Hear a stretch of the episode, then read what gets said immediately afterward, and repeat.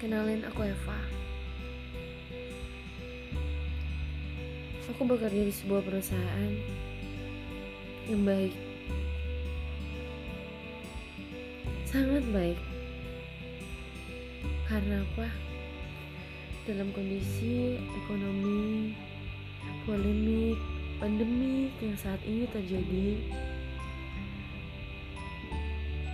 perusahaan tempat aku bekerja masih memberikanku hal-hal yang terbaik.